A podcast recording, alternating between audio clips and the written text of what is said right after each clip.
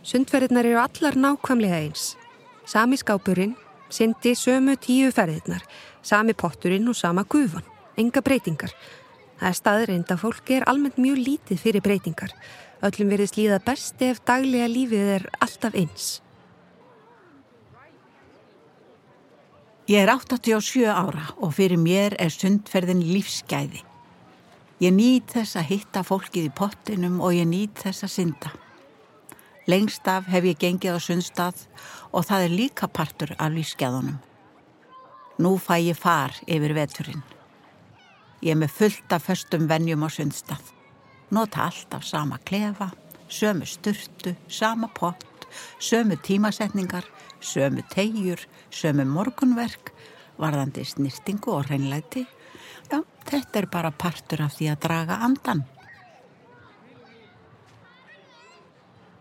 Fyrir skónum, hilsa fólkinu sem er að vinna, fyrir klefa, selfleitt sundföti mín og sonana í styrtuklefan, skipaðum úr fötunum aður en ég fer úr eða skildu hlaupa fram á gang, passa mig að rekast ekki í aðra bera rassa, þvæð þá staði sem nefndir eru á þottaplakatinu, ekki hárið samt, því að það er rosalega sítt og ég bleiti það ekki í sundi.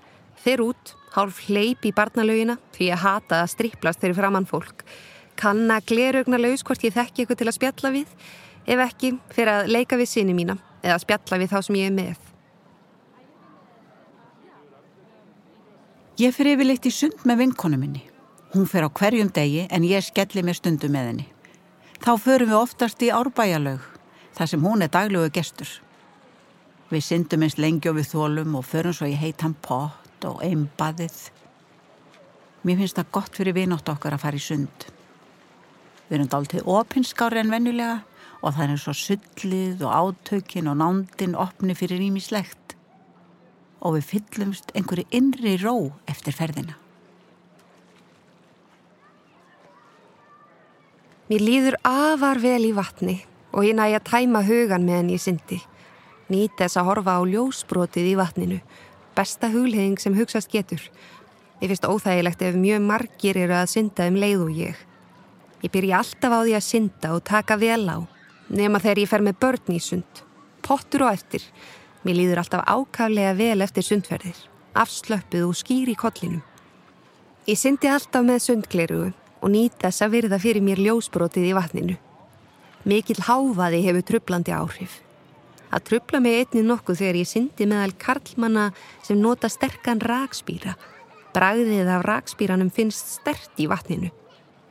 Ég er afslappaðri í vel heitri laug og finnst betra að synda í inni laug. Þegar ég var lítil voru við sískinin sendi í sundhöllar Reykjavíkur með strætó um helgar til að fá okkur þrýfabað. Mér fannst ég líka alltaf mjög hrein eftir sundferð. Þannig hugsa ég að ég hef alltaf tengt saman hreinlæti og sund. Ef ég ætla að synda þá byrja ég alltaf á því og syndi yfirleitt ekki minna en kílometr. Ef ég syndi ekki þá far ég beinustu leiði í heitapottin. Ég fylgi ekki reglunni um ráðleðan tíma í heitum potti og eigði oftast lungun tíma í pottinum. Oftast slaka ég bara á og hlusta á aðra spjalla og stundum spjalla ég sjálf og geri upp í mig smálefni eins og fólk gerir í heitapottinum. Út á nesi fer maður til dæmis í laugina á ákveðnum tíma en manni vantar smið eða pípara. Þá er oftast að finna setnipartin á virkum dögum í volgari pottinum. Fastagestir eru ótrúlega vanafastir og flesti nota helst alltaf sama fataskápin, eru allavega á svipuðu skápasvæði, sækja í sömu sturtu og standa á svipuðu stað þegar þeir þurka sér. Maðurum minn segir að karlamegin séu þeir ekkert skári með vanafestuna og býða jafnvel ef þeirra sturta er upptikinn.